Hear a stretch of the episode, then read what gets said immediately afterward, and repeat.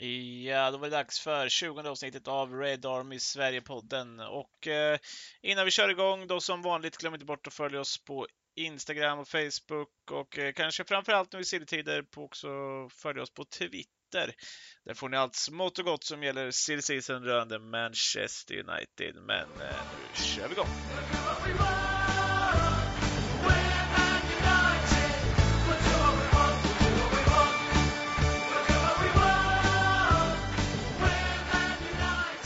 Ja, då var det dags för avsnitt 20. En form av eh, jubileumspodd här för Red Army Sverige-podden, eller om man nu kan kalla det, men eh, vi arbetar sakta framåt. Som vanligt är jag, Jonas Andersson, Adam Stenberg, Mikael Krekula. Välkomna grabbar! Tackar! You. Eh, ja, eh, vi börjar väl direkt med det som har varit och eh, det var en eh, 2-0 förlust mot de hittills obesegrade Liverpool. En match som Manchester United eh, aldrig får förlora riktigt så och inte det svider alltid lite extra när det är Liverpool som vinner. Eh, men det är väl i stort sett klasskillnad matchen igenom.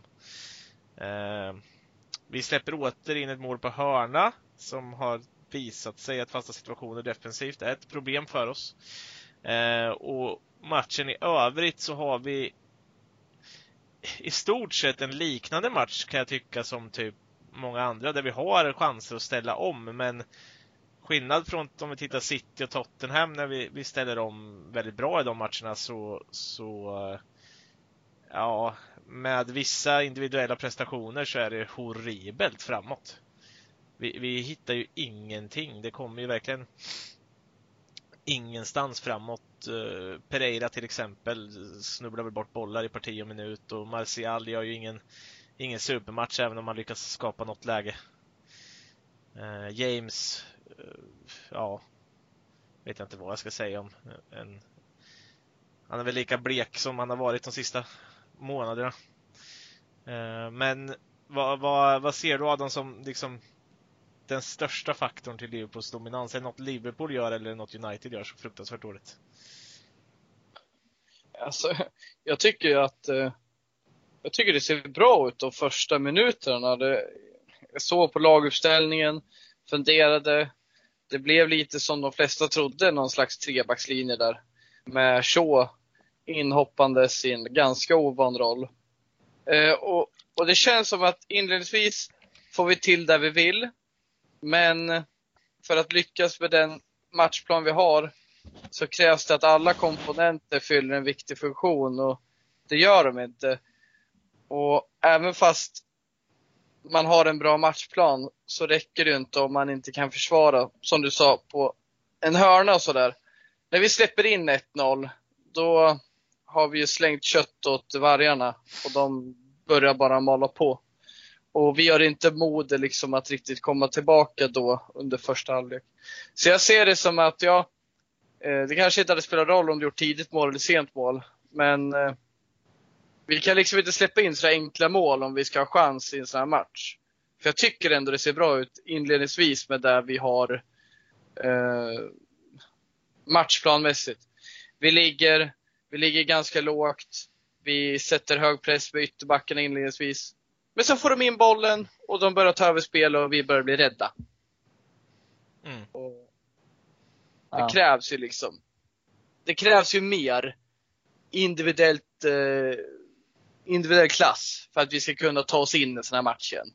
Mm. Det går liksom inte att eh, få till några chansbollar med Matic och Fred tillsammans på ett mittfält. Eh, utan Rashford på topp. Utan McTominays riv på mittfältet. Ja men det är lite, lite det som man, det, det kändes här om man tittar första halvlek. Eh, all cred åt Van Bissaka att han försöker, men det känns som att det kreativa hamnade på honom på något sätt. Och, och där har vi diskuterat tidigare att han kanske inte inte har den, han, hans, hans kvaliteter ligger ju inte i, i det kreativa offensiva spelet. Eh, Nej. Men det är han som någon gång ändå liksom gör någon översteg och tar sig förbi där ute. Eh, vi har någon boll i djupet på James som, som han vinner och, och någon som han nästan slår Robertson på. Eh, men det är ju så här, det är nästan grejer hela tiden. Eh, någon gång när Matic slår en, en stenhård boll i klacken på Martial. Och det är lite sådär hela matchen igenom. Och Pereira är ju dels osynlig och när han har boll så vet jag inte vad han höll på med. Han såg verkligen ut som en rädd hundvalp. Eh, han har ju inte, han har inte kvaliteten. Han, har, han är så jävla spretig. Han är ju Han är en av de spelarna i ligan som har tappat bollen flest gånger. Mm. Och alltså, kollar man på den statistiken, då är det bara liksom så här yttermittfältare som ligger i topp. Sådana som utmanar hela tiden. Wilfried Zaha leder tror jag. Mm. Så det är sådana spelare som är det. Och Andreas Pereira. Och han, är, han utmanar ju verkligen aldrig. Han tappar ju bollen bara. Mm. Utan att han egentligen försöker göra någonting med den. Det är ju bara att folk går in och tar den helt enkelt. Från honom. Mm. Ja, det, är, det, är så jävla märkligt. Jag har aldrig sett en proffsspelare som tappar boll så mycket i så liksom, märkliga situationer. Men han har så svårt att ta beslut också. Och när han väl tar beslut ofta så blir de ju väldigt fel. Det finns en, en situation som är väldigt signifikativ både för hans och James eh, säsong just nu. Jag, alltså jag, jag gillar James och han har varit väldigt bra i många lägen. Sådär så jag klankar inte ner på honom och, och, han har väl kanske spelat lite mer än vad han själv trodde och vad många andra trodde. Men, men Pereira just när han får så mycket, ja, jag vet inte, men någonting gör han ju med Solskjaer som gör att han får spela. Han måste väl vara superbäst på träningar, men just när han, Pereira driver förbi och det gör han bra i det här läget. Han kommer förbi, jag tror det är Wijnaldum och tar sig in framför honom. Kommer mot en, en backlinje.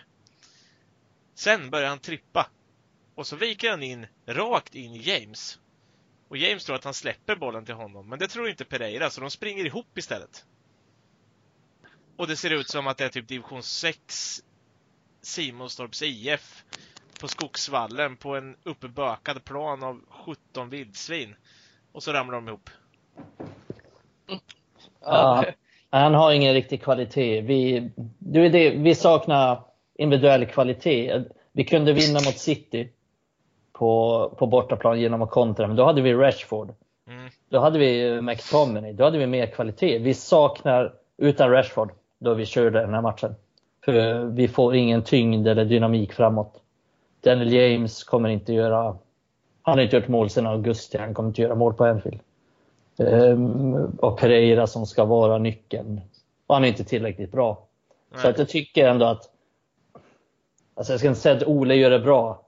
Det, det är nästan oförlåtligt att vi släpper in ett mål på, på en fast situation när vi är underlägsna spelmässigt, när vi är underlägsna på förhand. Då får man inte göra sådana misstag. Okej okay, om Liverpool gör ett briljant mål. Eller om de spelar sig igenom. Det kan hända. De är bra. Men vi ska inte släppa in ett mål på en fast situation. Vi vet, att, vi vet att de är bra på fasta situationer dessutom. De har, de har inte många spelare som, som kan nicka in den på hörnan. Det är van Dijk som är det största hotet och vi, vi lyckas inte åtgärda det, vilket är det är helt sjukt faktiskt. Jag, jag kan inte ens diskutera det för att det är så sjukt. Det, det, det ska inte kunna hända. Men jag tror att det är den stora anledningen. Vi, hade vi haft eh, lite bättre spelare hade vi kunnat skaka Liverpool på något sätt. Men det hade vi inte för dagen och då var det hopplöst. Nej, och, och det känns väl lite tråkigt också kan jag tycka. En sån här match när man när man har chansen kanske faktiskt att, att göra någonting mot Liverpool ändå. Det kändes ändå som att, ja fan en liten procent har vi så här. Men när man... Ja, när... men Liverpool var inte briljanta på något sätt. Nej, alltså och... de var bra, men de var, gjorde inte sin, sin bästa match den här säsongen. Definitivt Nej, inte. Nej, de slår bort en hel del bollar och... Men det och defensivt blir... var de skakiga. Det som blir tråkigt då är ju att vi har gjort så många felbeslut innan som leder till att Rashford inte är med. Eh, vi har redan några av våra viktigaste spelare borta. Eh, alltså allting. Alltså det är ju, flinar ju bara emot oss. Det eh. känns ju så sorgligt när vi har en, när Liverpool är så skaka som de ändå är. De är bättre än oss även fast eh, de inte är på topp. Jag tror ju att hade vi haft fullt manskap, liknande att vi har Rashford, McTominay, eh, som vi hade i höstas. Vi till och med hade Pogba. Då tror jag att vi hade kunnat knipa en poäng mot dem här, för så jävla bra var de inte. Men vi var ju bedrövliga med det här materialet vi har. Alltså ingen vill ju, ingen vill ju när vi har fullt manskap starta med Matic, med Shaw eh, och åsidosätta typ Rashford. Men så blir det ju. Mm. Och det är ju en konsekvens av den tunna trupp vi har. Mm. Jag vill bara komma tillbaka lite snabbt till, jag tycker det är fascinerande den här sagan om Pereira denna säsong. För det första så tycks han ju ha en klausul i sitt kontrakt som säger att oavsett hur din match går så kommer du alltid få 60 minuter. Han har fått enormt många starter den här säsongen och vissa har han gjort helt okej okay, som fått kört klart hela matchen. Så är det ju. Men även fast han är risig från minut 1 till minut 74 så spelar han 74 minuter. Han byts aldrig ut innan i halvtid, han byts aldrig ut i 16 minuter typ. Han får spela så länge och klart bara ska ge spelare chansen, men är de uppenbart dåliga då ska de fan inte få fortsätta. Och gör de många dåliga matcher då ska de inte få starta. Eh, Nej, det, Kanske- det, måste, det måste komma konsekvenser. Vi har snackat om det tidigare. Det måste komma konsekvenser. Om en spelare inte är bra, då kan han inte få fortsatt förtroende hela tiden. Jag fattar att man vill ha någon slags kontinuitet, men det måste bli konsekvenser. Och då petar man ju ändå en Mata också som faktiskt gjorde en bra insats innan. Och visst, han kanske hade varit lika dålig han den här matchen, men det hade ju varit mer förståeligt att han spelade med tanke på materialet han har att välja på än att han väljer Pereira. För Pereira har inte varit bra sista tiden, han har varit eh, genomrutten igen. Det var ett tag sedan han gjorde den där okej insatsen. Eh, och Mata gjorde ändå en bra insats mot, mot Norwich. Och visst, det var Norwich, men jag hade ju förstått det mer om han spelade eh, 70 minuter. Ja, men jag håller med. Alltså, som det ser ut nu, då har Matta varit bra. Antingen då spelar han före Pereira, eller bara skit i nummer 10 helt och hållet. Mm. Det funkar ju uppenbarligen inte. Spelet rakare spelar någonting, få igång games i djupet. Eh, tillåt, eller se åt Wan-Bissaka och slå lite längre bollar eller någonting. Alltså, skippa Pereira i alla fall, för han gör ingen nytta. Nej. Så att komma till det här, vi har snackat om Lingard tidigare. Jag hade inte velat starta han i den här matchen, för jag tror inte han hade tillfört någonting han heller. Men det är så intressant, för Lingard blir man ju galen på, för han tillför ju ingenting, han syns ju inte. Nej. Pereira, han får chans på chans på chans, men sumpar det. Du förklarar det bra. Han har både dåligt, eh, dålig beslutsamhet, Mm. och de besluten han tar, de är alltid fel. Mm. När han ska passa, då skjuter han, och när han ska skjuta, då passar han. Mm. Eh, skippa nummer 10 Ola om du inte vet vad du ska använda och du inte har något material för det. För alltså Pereira, nej fan. Det, går inte i de här matcherna. Det går inte. Ja, det blir bara som att vi är en man mindre nästan. För att han, är inte, han bidrar inte, han är inte delaktig i matchen. Nej, Det, är- det är jättekonstigt. och på något sätt syns det, för att jag tycker lite synd om, för jag tycker inte Matic och Fred gör någon superdålig insats i den här matchen. Men de söker ju båda två efter någon att spela bollen till för att som ska kunna sköta passningsspelet lite bättre. Mm. Men de har ingen. Det finns ju ingen. Ja. Alltså, då, och då blir det ut på kanterna. Då blir det Williams, det blir Bisaka, det blir Williams, det blir Bisaka.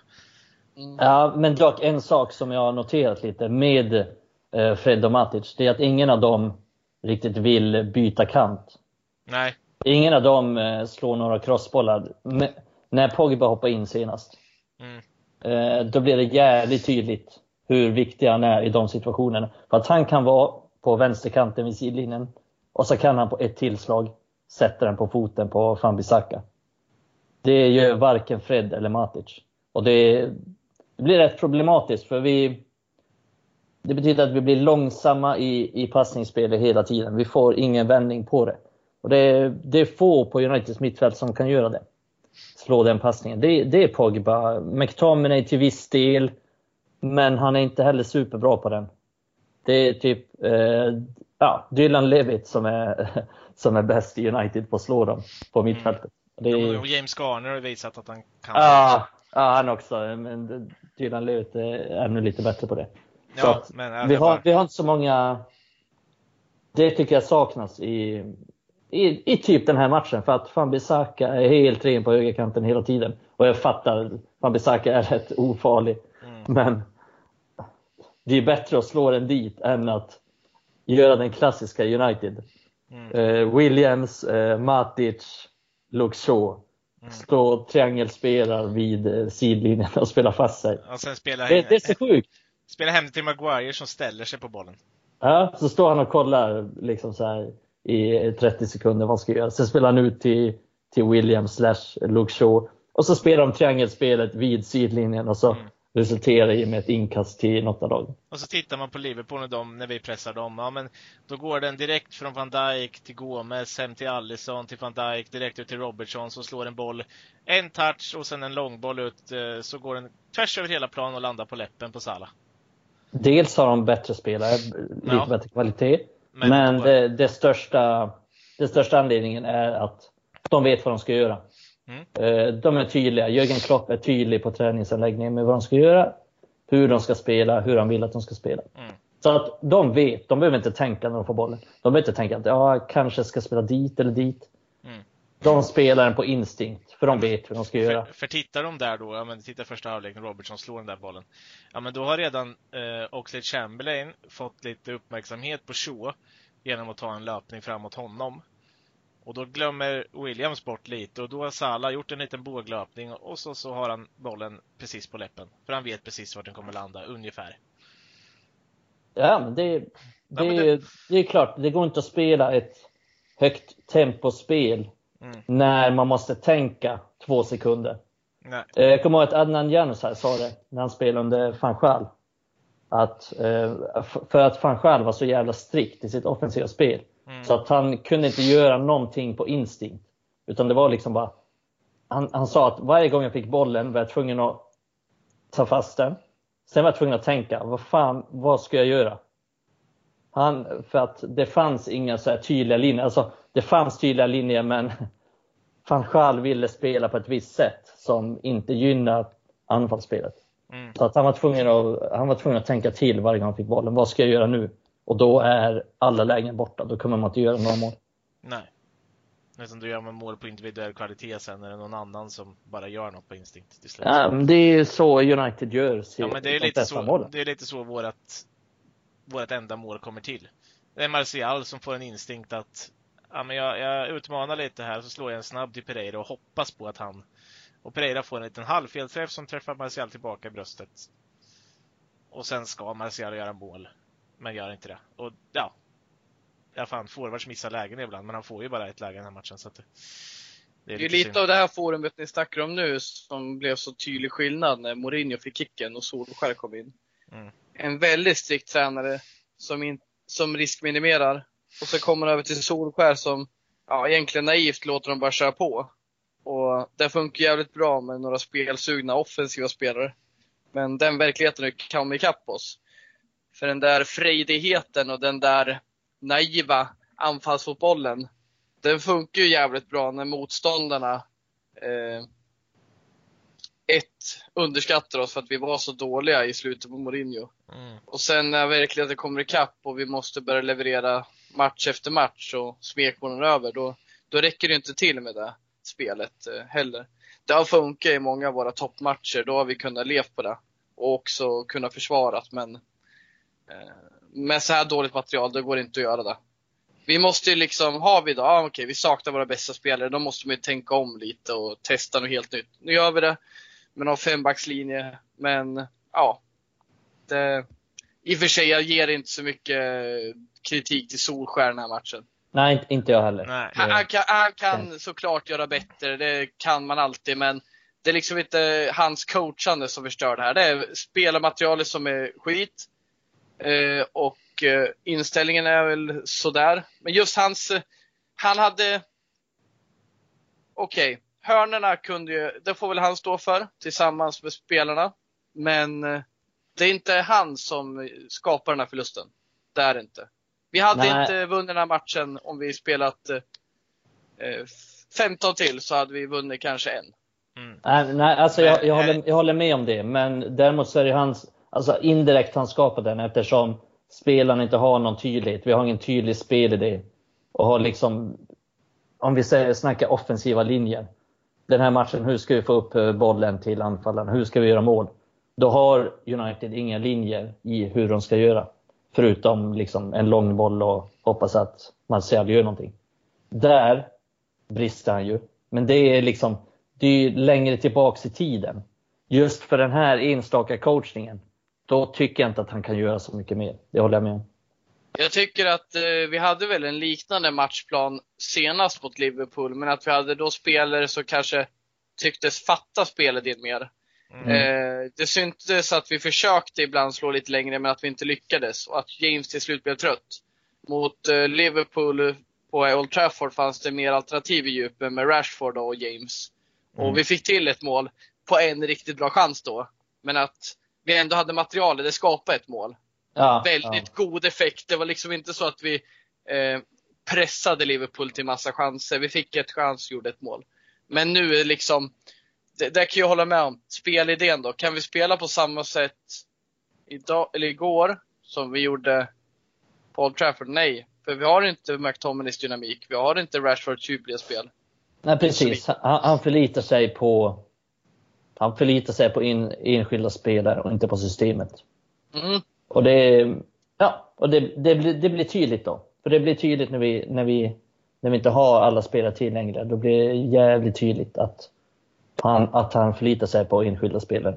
Och det är alltså, jag kan dra paralleller till när, när Klopp bytte ut hela elvan mot Everton i FA-cupen. Det är klart Liverpool blev sämre. Men de hade i princip ett juniorlag och de vann mot ett ordinarie Everton. Och det gör de för att, för att han är tydlig i sin coachning. För att de vet vad de ska göra. För att de har ett bättre system än Everton, som inte heller har någon spelidé. Mm. Och ja, det är det som är den största skillnaden tycker jag. Men som sagt, Ola hade behövt bättre spelare för att kunna vinna den här matchen och det hade han inte. Nej. Nej, och ja, det kan vi egentligen avrunda avrunda det här med. Alltså det är svårt att dra några större, para, alltså något större vinstaktigt från den här matchen överhuvudtaget. Det, det kunde gått bättre, vi har för dåliga spelare. Ja, vi kan inte gnälla så mycket på Ole. Men däremot så känns det väl som att eh, nästa match som kommer, som är mot eh, Burnley, onsdag, på Old Trafford, är en match som eh, vi bör kunna studsa tillbaka igen på. Eh, om man tittar till att vi, där har vi fortfarande trots skador en kvalitet som borde kunna göra någonting. Eh, I alla fall om man, enligt mig. Vi bör vinna mot Burnley. Precis. Burnley är bedrövliga. De är Ja. fan ett av ligans sämsta lag nu, även fast de vann senast mot, Mm, mot de, Leicester. de bröt ju en, eh, en, en dålig trend där. De, de hade ju fyra raka förluster, eh, varav en var mot, mot United. Mm. Eh, och sen så lyckades de, eh, trots underläge och trots en straff emot sig, eh, vända mot Leicester och vinna med 2-1. På ett riktigt Burnley-vis. Ways. Ways det. Eh, lite, lite Stoke-aktiga är de. Kan jag tycka. Alltså man, man, man, det är lite cold night in Stoke är borta i och med att Stoke eh, tyvärr spelar, eller tyvärr, men hör hemma i Championship. Så har ju Fan vad det går spelare mellan Burnley och Stoke alltså. Ja, men sant. det är ju, det är ju två spelare, det är två lag där, ja, är du för bra för Stoke, då ska du gå till Burnley. Eh, lite så. Och det är Ja. sådana, det är sådana spelare de lockar till sig, det är bara att kolla. Eh, eh, eh, jag, jag, jag såg ju matchen Burnley-Leicester och Ben Mee, om man bara tittar på, på kvalitet och så, är ju en otroligt dålig mittback. Eller han var åtminstone otroligt dålig den matchen. Ja, men, eh, li- likt hela Burnley har väl de börjat, de har börjat tappa gnistan känner jag. De levde ju så jävla mycket på sin inställning.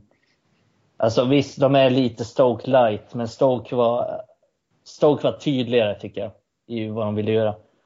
Burnley är lite otydligare och, och, lite sämre och lite ocharmigare. Ja, men det är ju en lång boll på Wood. Och så löper spelare. Och så gäller det att, eh, som i den där matchen, så var det ju en lång boll på Wood. Och sen andra bollen skulle Rodriguez på något sätt försöka samla upp. Eh, han eller McNeil skulle försöka samla upp andra bollen. Eh, och så skulle de försöka anfalla därifrån. Mm. Eh, Ja, men de, har, ju- de har ju ingen kvalitet. De har Nej. ingen kvalitet egentligen. De har, de har ingen kreativ spelare i laget. Det är möjligen Dwight eh, McNeil mm. som är fostrad i United. Men McNeil, Eh, han, hans som- eh, bröd som har ju fötts ur, ur eh, Gudmundssons död.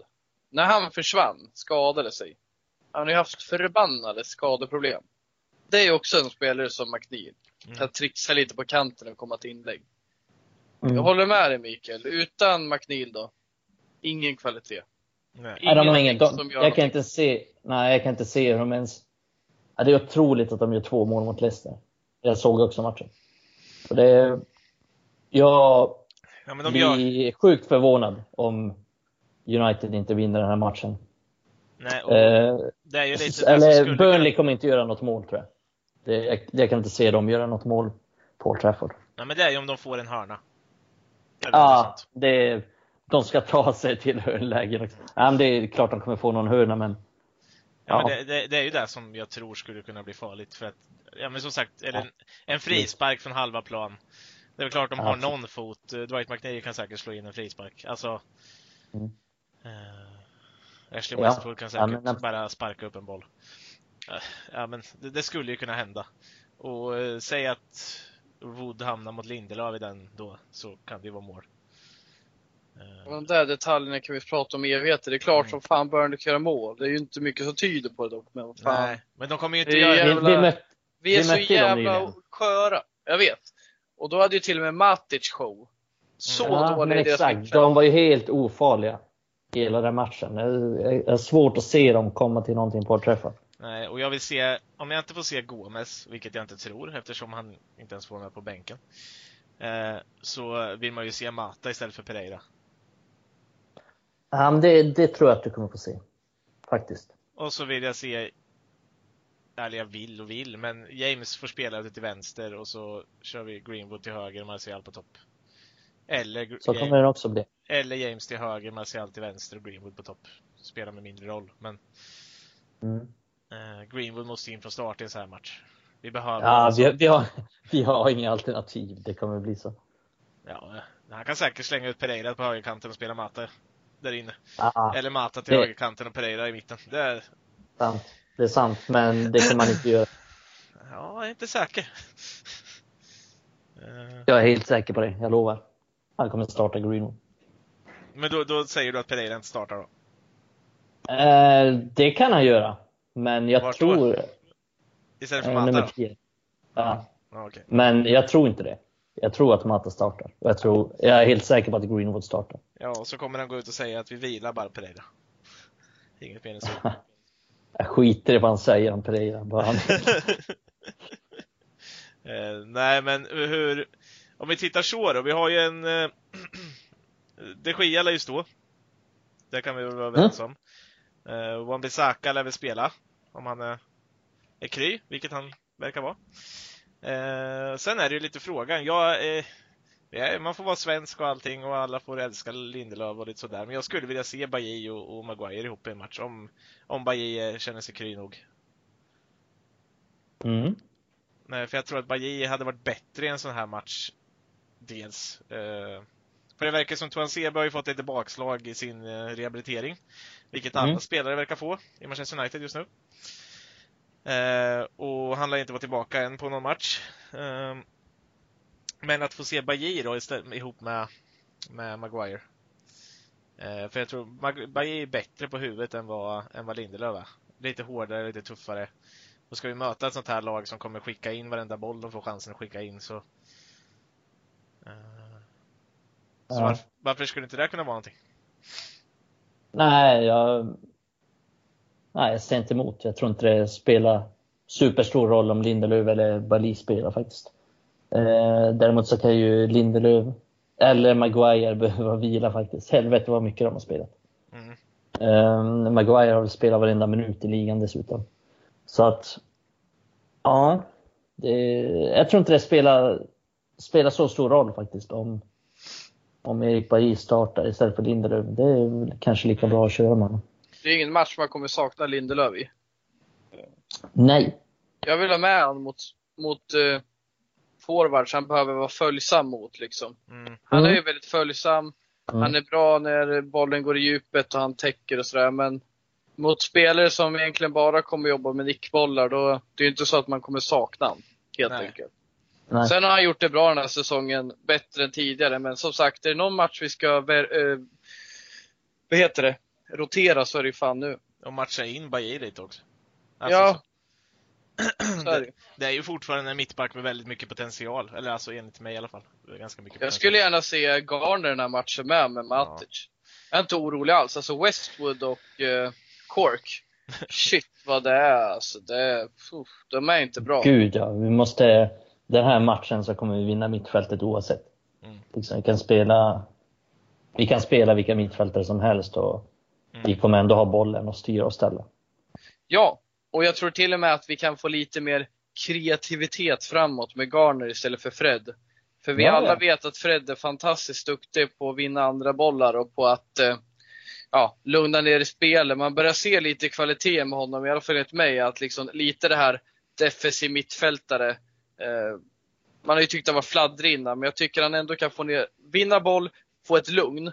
Men sen tar det stopp för mig. Det händer för lite i sista tredjedelen och där tror jag att Garner kan slå lite mer passningar. Så vad fan, hemma på Old Trafford mot Burnley, det är klart som fan grabben ska in. Mm. Fred han spelar rätt på- mycket. Bättre på att skjuta också. Ja, och Matic kroppsfinter, de, de går ju liksom kork på. Ja. Fan vad man älskar Matic ändå. Han kommer in och gör någon jävla kroppsfint. Han är så jävla, han är så jävla skön på något sätt. Ja, men samtidigt så lyckas Ja, Han han ser ju så med jävla det rolig ut när han gör det. Ja, det går så jävla långsamt och han lyckas ändå med det. det Ja, alltså jag älskar när han, när han så här ska låtsas passa till en back och sen sulfintar han den. Mm. Och det tar typ tre sekunder innan han vänt om. Och sen har han fri väg framåt. Han har ju, Ja. han kan är, finta. han har något sånt där jävla skolgårdsspel ändå. Matic. Jag hatar bara när det stiger han över huvudet och han tror liksom att han är på stranden eller någonting. Mm. och liksom tappar boll. För ibland blir jag ju för kaxig vid sina jävla finter alltså. Mm. Ja. Nej, men, nej, men han jag höll ju på att sparka huvudet av någon spelare i Liverpool där. Ja. Eh, Wijnaldum, va? Wijnaldum var det, ja. Jävlar! Han blev av med nästippen. Sen-. Han, Sen han kunde var han... nära ett gult kort på två, tre gånger där också. Ja, Han, han håller sig på gränsen och så springer han direkt därifrån. Han är så jävla rutinerad. Jo. ja men det, han har faktiskt... Eh, vi har sågat honom mycket i år eh, innan och vi, vi klankade ner på honom där eh, när han, innan han blev skadad. Men efter han kom tillbaka och får börja spela igen där så har han faktiskt gjort det helt okej och eh, förtjänar ändå sin plats i laget nu när, när läget ser ut så här. Eh, Ja, det, det tycker jag. Det, Han, tycker jag. det kunde ha varit så mycket sämre om han hade fortsatt spela så som han gjorde innan sin skada i början av det här året. ja. Exakt. Sen- det är inte sen- den nivån vi söker efter, men har fan i mig gjort det okej. Ja, Eh, vi kräver mer, men vad fan har vi liksom? Jag kan tycka att vi skulle spela Garner lite mer, men Mm. inte mot kanske Liverpool. nej. Men jag vill fana in mot Burnley, tillsammans med Matic. För jag tycker Fred kan få vila lite där då. Eller köra någon trio, fan vet jag. Men fan in med Garner den här matchen. Men absolut, jag håller med. Det är liksom inte så här bara, ah, Matic Och Gomez. Så, så, så illa är det inte just nu. Vi har för fan knappt eh, material liksom. nej. Ja, Gomes ja. In med. Gomes och Garner. Ja men gick det inte då rykte om att han skulle få starta snart? Ja, eh, Var det löst eller? ja, nej, ändå hyfsat trovärdiga rapporter om det. Men sen får vi väl se vad som händer med det. det. Han var inte med på bänken senast, men kan väl komma en start nu. Mm. Ja, Det är väl eh, liksom perfekt läge. om Eller? vi bortser från Liverpool Mikael så har vi ändå sett lite en tendens till att Ja. liksom, man vet att han lever i alla fall. Ja, man vet att han lever. Det, nu är det på gång. Det kan komma en start mot Burnley. Däremot så har väl Chong varit nära att försvinna. Har det känts lite som. Ja, Det har ju varit lite, det har varit lite rykten om att eh, hans, eh, jag vet inte vem som är hans agent, men jag läste någonting bara. Det var Twitter-rykten om att de har Ja. varit i, i, Ja, men i jag Italien. tror att, ja, men jag tror att det är en sån här grej när hans kontrakt går ut så, hör, så är hans agent liksom och hör sig runt. Jag tror inte att det har varit något. Rent konkret. Alltså, ja, jag tror att eh, många lag skulle vilja ha honom. Ja. Han har en del potential, men jag tror inte att det varit något så här riktigt konkret än. Nej. Men jag, jag hoppas ju att han blir kvar och Gomes också. Eh, mm. Vad... eh, eh, vi tippade väl aldrig Liverpool-matchen va? Eller? Nej, det gjorde vi inte. Eh, Jag gjorde inte. Nej, vi tippade Wolves. Ja, det gjorde vi. Vad blev den? 1-0 och då hade ingen rätt heller. Nej, jag trodde vi skulle förlora tror jag. Ja, det gjorde du. Mm. Adam, Ja. tro, Adam trodde 2-1 så att det var väl ändå ganska nära och jag sa 2-0. Nej, vad fan Jonas. Du får ge, ge dig. Det var inte nära. Jag trodde 0-0 för fan. Gjorde du? Ja, det kan du ge dig fan på. Björn Engel skulle göra mål sa jag. Han spelade för fan inte i Wolves. Nej, och det Nej. blev 0-0. fan kan han göra mål då? ja, det är bra. ja. Ja, vad ska jag ha i de andra? Då kanske jag inte ändrat in då. Ah, ja, då hade du inte rätt ändå. Det är därför du vinner alla tips, för du håller ju på att ändra för fan hela tiden. alltså jag har ju inte vunnit, vi har ju inte haft en poäng på hur många Jävla matcher som tips helst. är ju riggat. Ja, du var ja, bra ja. i början där tror jag. Ja, det var jag. Jag tog tre raka tror jag nästan. Ja, Eh, men Burnley då? Burnley då? Jag tror United vinner med, ja, det kan bli rätt. Jag säger 4-1. Och så gör, Så dåligt tippat. så gör Greenwood eh, två. Eh, och så gör eh, eh, ja, Martial ett. Han måste ju göra mål och så gör väl Mata ett också. Mm. 1-0 Greenwood. 1-0 Greenwood. Jag säger 2-0 Greenwood och Greenwood. Är två. Mm. Då vet vi en sak alla ni som lyssnar, att Greenwood kommer göra mål.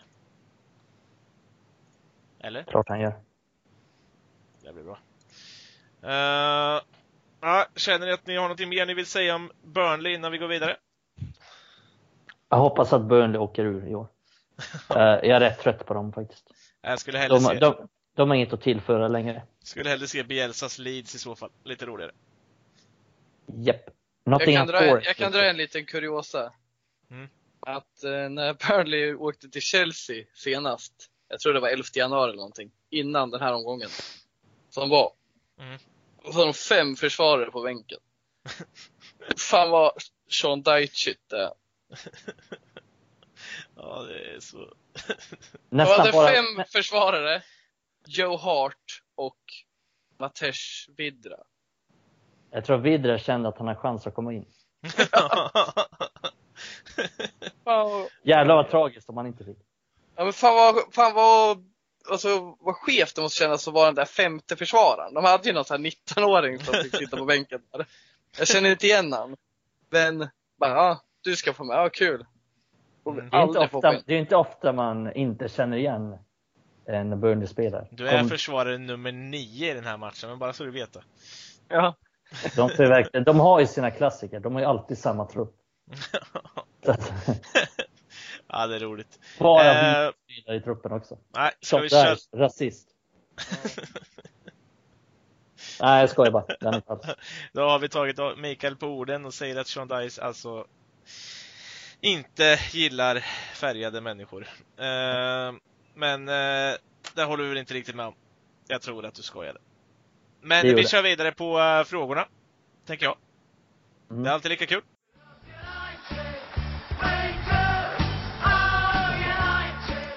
Och eh, frågor har vi fått i eh, massor återigen och det är alltid lika kul.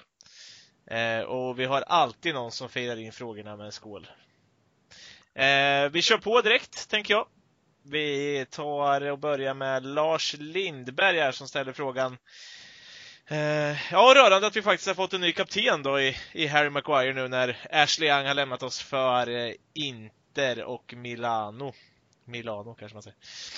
Eh, men hans fråga lyder, fungerar ledarskapet under Maguire i Manchester United? Jag har inte sett honom som någon som skällde, skäller på några spelare under alla matcher. Eh, är han för snäll som OGS är? Eh, och då menar han att Ole Gunnar Solskjaer är ganska snäll och, och där vet jag att du tycker Adam att uh, Ole är lite för snäll, att spelarna får bestämma lite om de ska spela eller inte.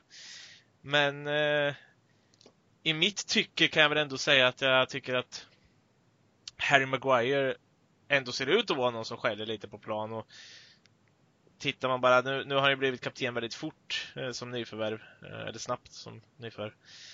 Eh, och, och det kanske inte i sig är så, så bra, men eh, han är väl den som är det största kaptensmaterialet utav dem, eller?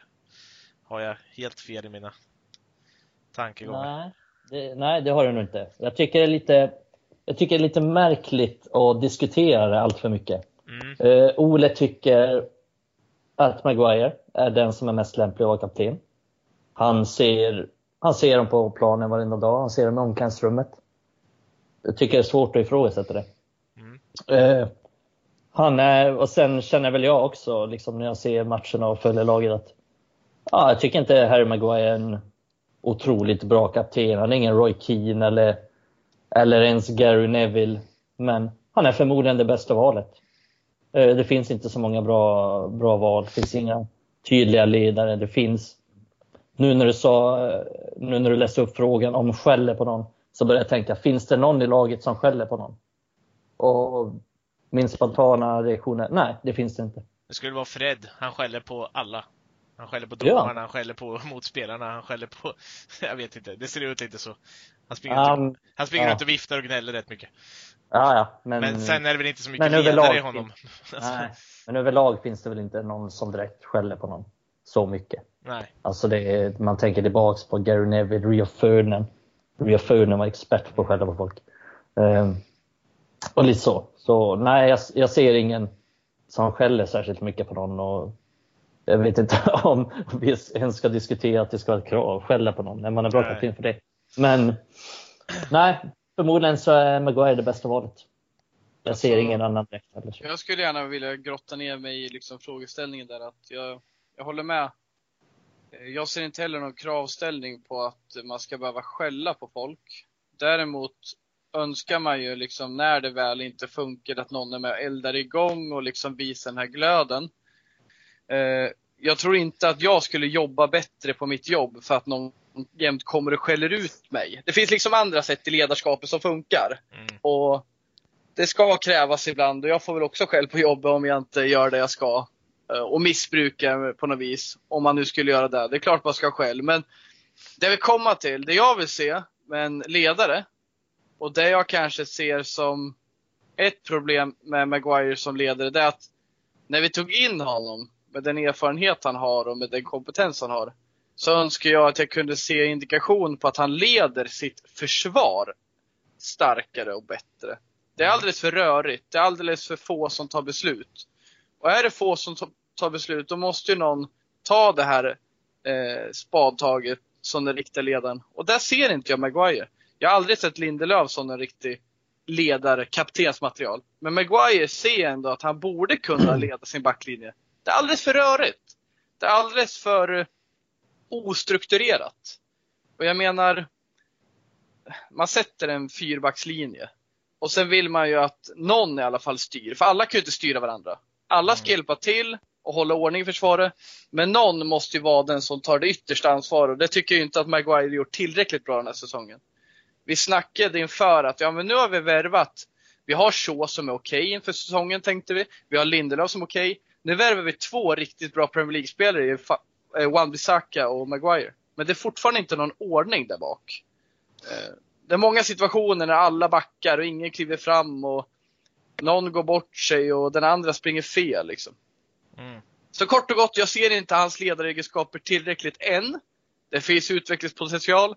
Men jag ser ingen bättre ledare. Tycker det var bra retorik där Mikael.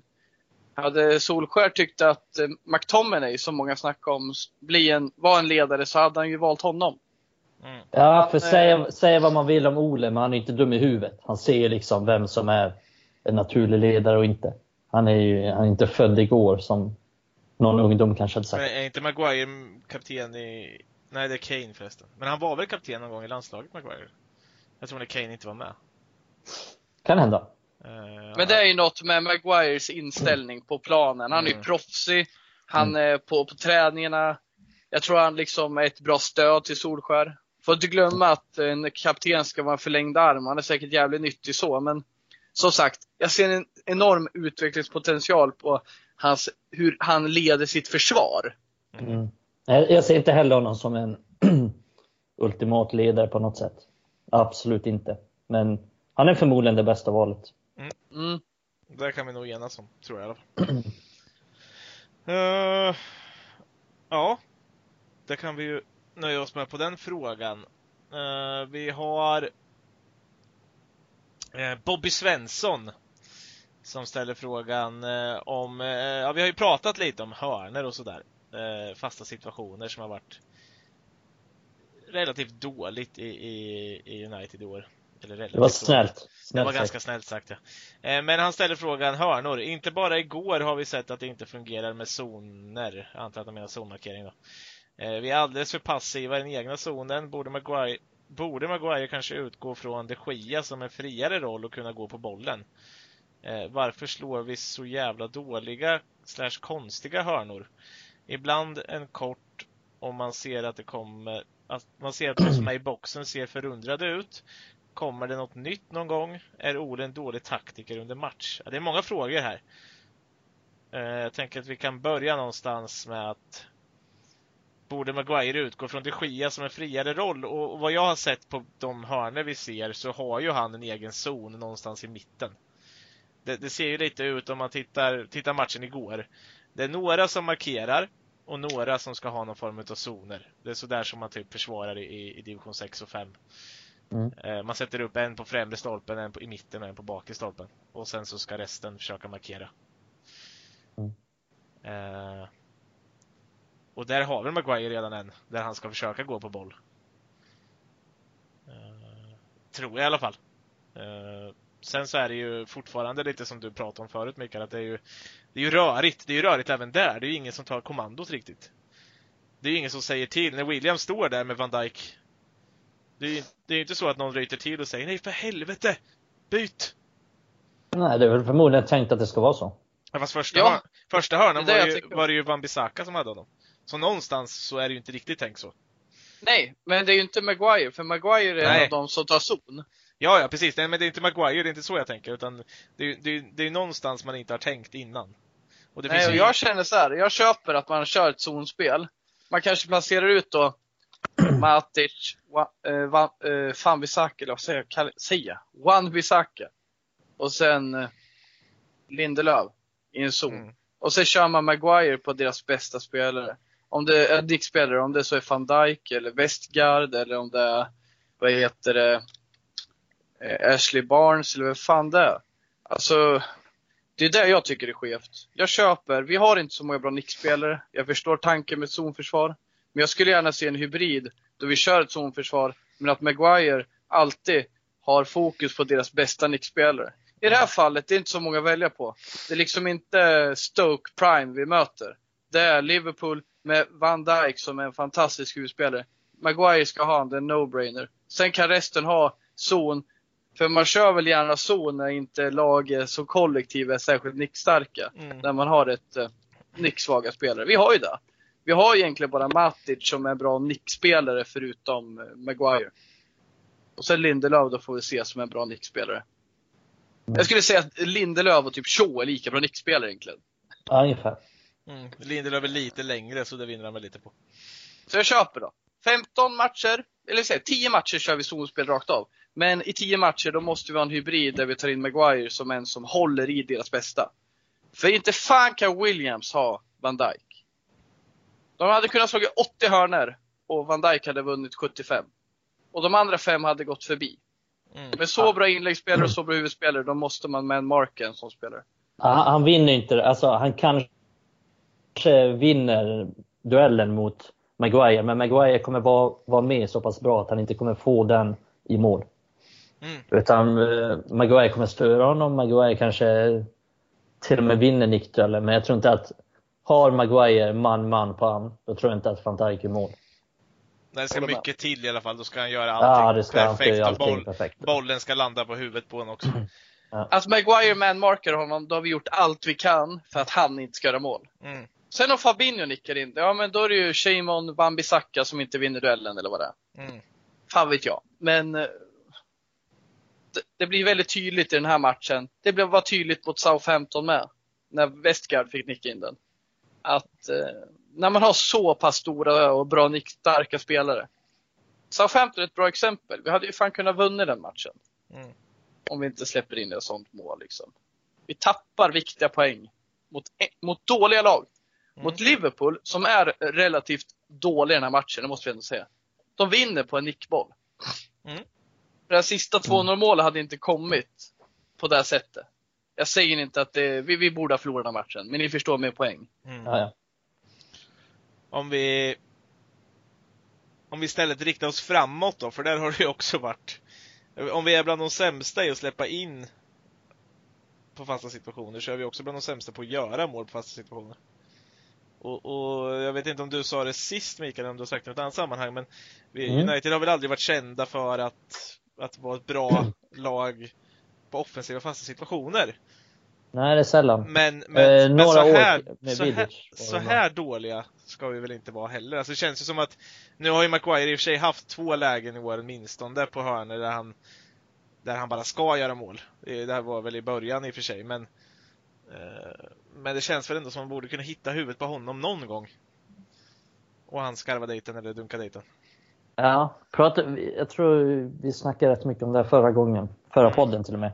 Men då tror jag jag sa att, eh, och det står jag fast vid, jag tror inte United har så mycket idéer. Liksom, de tränar inte på offensiva fasta särskilt mycket. Lägger ingen stor vikt vid det. Och det kan man tycka vad man vill om. Men så tror jag att det är. Och dessutom har vi ingen bra hörnläggare heller. Det är lite intressant för att eh, Jürgen Klopp eh, eh, gjorde om i Liverpool. Så var eh, sommaren 2018 Mm. så hade han liksom tänkt till så här under sommaren att nej, fan vi är så jävla dåliga på fasta. Så har han sin stab kring sig och sagt ni får fan fixa upp det här. Eh, vi ska ha lite idéer nu och vi ska, vi ska börja göra mål på fasta situationer. Mm. Så att de har de la helt enkelt ner tid på det, träna på det, eh, spåna fram idéer vad de ska göra och så vidare och så vidare. Och så vidare. Och sen dess har de, de har gjort mål på de har gjort 43 mål på fasta situationer sen dess, sen 2018. Eh, straffar inräknat dock. Men jag tror att straffar var kring 10 stycken eller något sånt. Mm. Så att 30, 33 mål på, på fasta situationer sedan 2018. Eh, och tyvärr mot United kom det ännu ett. Så att, eh, nej, jag tror helt enkelt, det är helt enkelt så att United inte lägger ner någon tid på det. Eh, sen har vi inga bra, det är ingen som slår bra hörnor heller. och inte särskilt många som är bra på att nicka heller. Men vi ska komma ihåg att under Mourinho hade vi, vi hade Fellaini, vi hade Lukaku, vi hade två mittbackar, vi hade Matic, vi hade fem, sex jättebra huvudspelare. Plus liksom anfallare som ytteranfallare som är helt okej, långa som Rashford och så vidare. Vi gjorde ändå inga mål i princip så att Nej. det, det, Nej, men- där finns det potential för förbättring. Ja, men sen känns det som så här, ja men de har hittat på några saker. Men i början var det där, ja men jag går fram och, och slår en, en snöboll mot bortre och så ska Maguire nicka in den här. Där slopar de ju efter ett par omgångar. Och Mm. nu har det blivit det här, ja men vi slår en kort hörna. Eller som igår när de slog en kort frispark. Och Pereira får eh, nästan skiter på sig när Wijnaldum kommer upp och pressar honom. Och slår in en dålig och så kontrar de istället. Eh, det, det är lite så här, det finns ju som du säger, det, det är ju oerhört fantasilöst. Eller ja, uppstyrt. Alltså det, det är dåligt liksom. Eh, Det, det är ju, det, man, blir ju aldrig riktigt så här bara, åh nu kan vi göra mål. Eller som igår när, när Glenn Strömberg sitter där och säger, ja nu får United hörna här i slutet. Ja, fast det gör vi ju inte mål på. Nej, Det är ju Nej, det är lite kul. Vi slår inte ens in här på slutet i matchen Nej. mot Liverpool. Det är Maguire agerar spelfördelare där och jag vet inte vad, vad som händer men Nej. Så är det. Det är lite provocerande att United eh, är så dåliga på, på fasta situationer. För att det är en så enkel sak att fixa till. Och, och de gör inte det. Det är någon jävla lathet eller vad fan det är. Det är provocerande i alla fall. Ja. Har du något att tillägga Adam? Ja, jag, jag instämmer i mycket av det ni säger. Det, jag, jag tror inte det handlar om att vi inte har kvalitet nog. Det handlar om prioriteringen, att vi inte liksom gör något av det. Mm. Liksom, vi har haft så många olika hörnläggare. Det kan inte vara fel på allihopa. Det måste vara fel på ja. grundtanken. Alltså mm. Shaw har slagit hörner och vi liksom... Phil Jones för några år sedan. ja, precis. Väldigt länge sedan. Och sen vill jag känna att eh, 2010 till 2013, ja, vi gjorde inga, vi var inte särskilt bra på hörner och så, men det gjorde inte särskilt mycket heller, för vi kunde leverera på andra plan. Men mm. nu är det ju en, kanske en fördel, att, eller en ingrediens att vi lyckas vinna en match. Både uppåt och neråt i planen. Men eh, vi skiter i det fan mig. Eh, det är som att bara, ja, men vi testar en ny hörnläggare så blir det bättre. Nej, men vad fan om vi inte gör något med bollen utan några tankar. Du sa det bra Mikael. Vi har haft liksom Fellaini, Pogba, Lukaku, Smalling, eh, McTominay på samma jävla plan och vi, liksom, vi är inte nära på att vara läskiga. Nej, det, det är jävla märkligt. Det borde man kunna utnyttjat mer. Men det mest problematiska är ju förstås att United är så dåliga på defensiva fasta för att det, det kostar oss mål, det kostar oss matcher. Om vi inte är mål på en hörna, fine. Det är, hur jävla många mål görs på hörnor egentligen? Det är inte många procent. Men att vi släpper in så många mål på fasta, det, det kostar oss matcher. Ja. Mm. Ja, eh, det var den fasta situationer. Eh, vi hinner med en fråga till i alla fall. Eh, och Martin Jakobsen ställer det. Tror ni, tror ni ett mellanår med uppbyggnad av ett ungt, eh, hungrigt lag som på sikt kan bli riktigt bra. Jag tänker främst på Williams, Rashford, Greenwood till viss mån Lindelöf och ytterligare framåt i kikaren på Henderson i mål. Kanske kan vara en möjlig väg ut ur krisen. Det är nog långsiktigt klubben bör titta, eller? Tror inte lösningen finns i att byta tränare vart, vart år, varje år. Eh, vad tror ni? Eh, det är väl lite det klubben gör. Ja, och så. har uttalat sig om att man ska göra.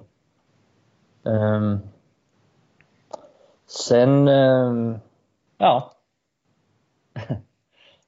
det, ja men exakt, det är det klubben har sagt att, att, att man ska göra. Det här kommer bli ett mellanår. Vi ska bygga upp truppen med unga spelare och så vidare och så vidare och så vidare.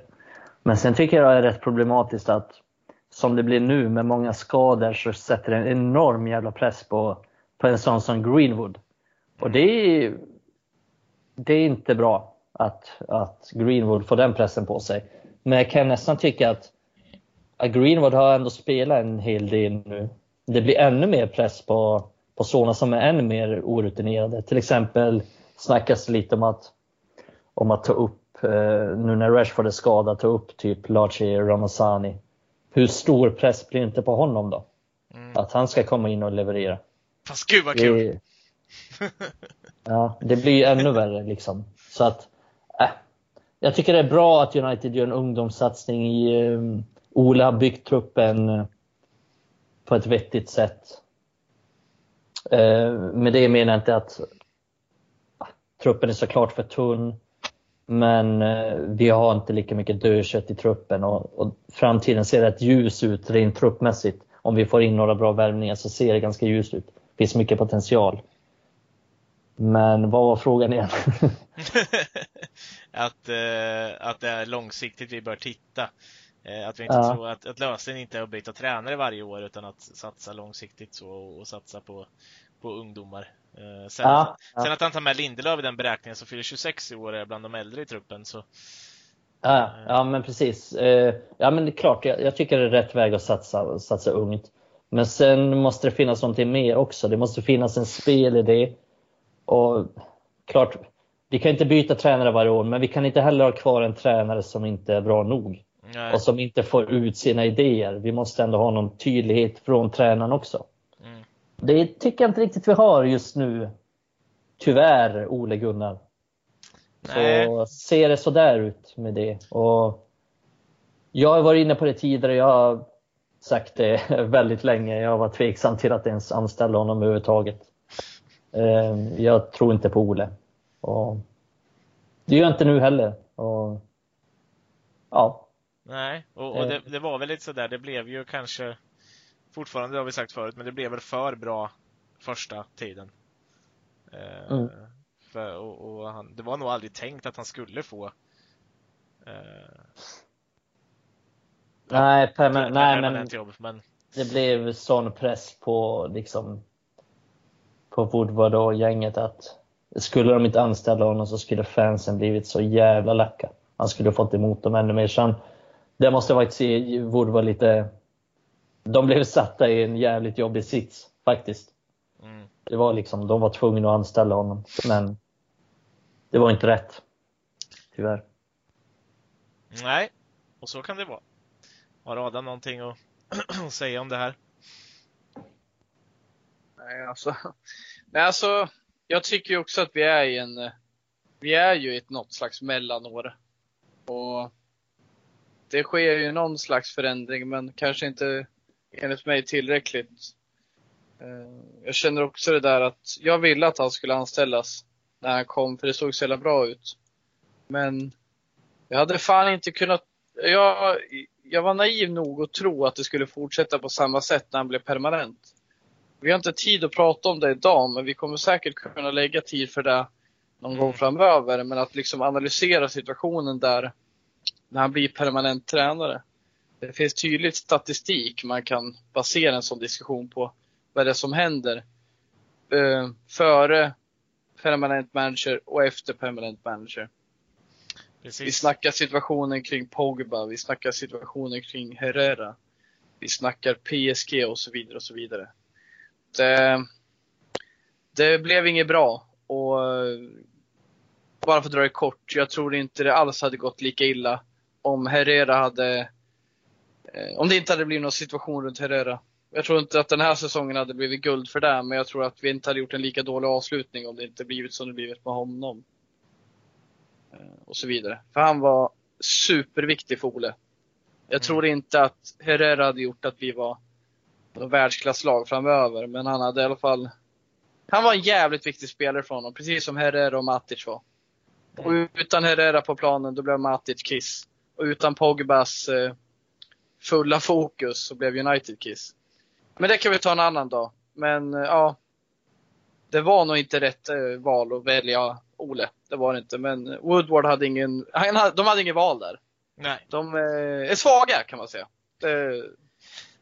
Jag, jag köper det. Jag, jag ville att de skulle anställa honom. Men som sagt, jag är inte expert på, de sätt, på det sättet. Ole gjorde ett superjobb innan.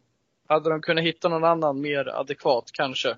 Mm. Men det är lätt att vara efterklok. Jag, jag sa att de skulle anställa honom i våras. Ja, det För det såg så jävla bra ut.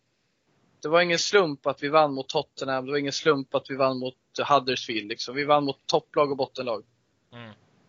Och det såg ju oerhört bra ut och, och jag kan hålla bara med där att jag sa också att vi skulle anställa honom och, och eh, jag är inte sen att erkänna att jag hade otroligt fel i den poängen, men det visste vi inte då. Det Woodward gjorde dåligt och det de gjorde dåligt, eh, det var att de behövde inte ta beslutet så snabbt. De hade kunnat vänta till Mm. eh, slutet av säsongen. Ja, exakt. Och det gick ju sämre då.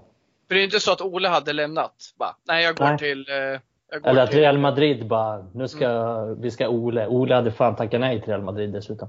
Mm. Han Ole hade hade varit kvar i fem år utan kontrakt. Bara han får vara i Ja. United. Alltså, Exakt så ja. Mm. Precis.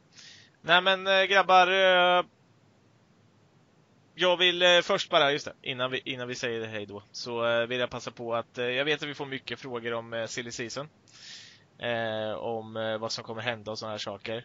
Alla rykten, allting som vi får veta får ni veta om ni följer oss på Twitter. Så jag skulle bara säga att in och följ oss på Twitter och gör det nu. Där får ni eh, ja, allting vi kan samla ihop eh, slänger vi ut så att ni får veta vad som händer i silly season-marknaden för Manchester United. Eh, eller allting som rör Manchester United där. Eh, men annars vill jag tacka er för idag grabbar. Alltid gött Tack själv. snack. Tack. Så eh, ses vi, ses vi nästa vecka. Vi hörs nästa vecka, alla ni som lyssnar. Bye bye!